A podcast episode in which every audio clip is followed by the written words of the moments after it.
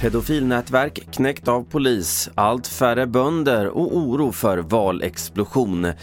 Ja, TV4-nyheterna börjar med att tysk polis har stoppat en av Europas största pedofilplattformar på Darknet. Tre huvudmisstänkta har gripits och fler gripanden är att vänta, även i Sverige som också deltagit i arbetet med nedstängningen. Vi har kriminalkommissarie Jan Olsson.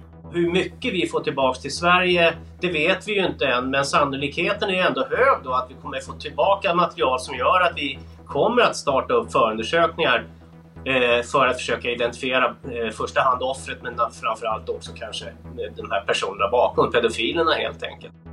Antalet jordbruk i landet fortsätter att minska. De senaste fyra åren har var tionde jordbruk lagts ner, det visar siffror från Jordbruksverket. Och ännu fler har försvunnit i bland annat Västerbotten. Vi har Kenneth Åström, jordbrukare i Umeå.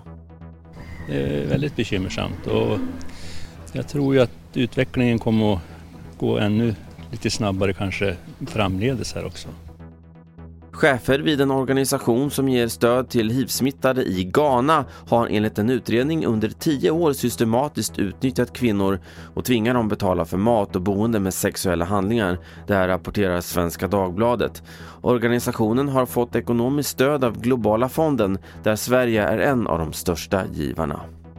Och sist om att den döda knölval som legat strandad på Öland nu har tagits upp på land. Målsättningen är att flytta valen i ett stycke in i en specialbyggd container. Därefter ska kadavret skickas till förbränning. Eftersom valen legat länge på platsen finns en oro för explosionsrisk. TV4s reporter Rafael Sisask är på platsen. Den har ju hunnit jäsa ganska mycket och bilda mycket metangas i, på grund av förruttnelsen då. Eh, därför har ju polisen gått ut till allmänheten och sagt att man inte ska gå för nära. Så eh, det är lite oklart nu men de hoppas att den inte ska explodera. Det var senaste nytt från TV4 Nyheterna. Jag heter Carl-Oskar Alsen.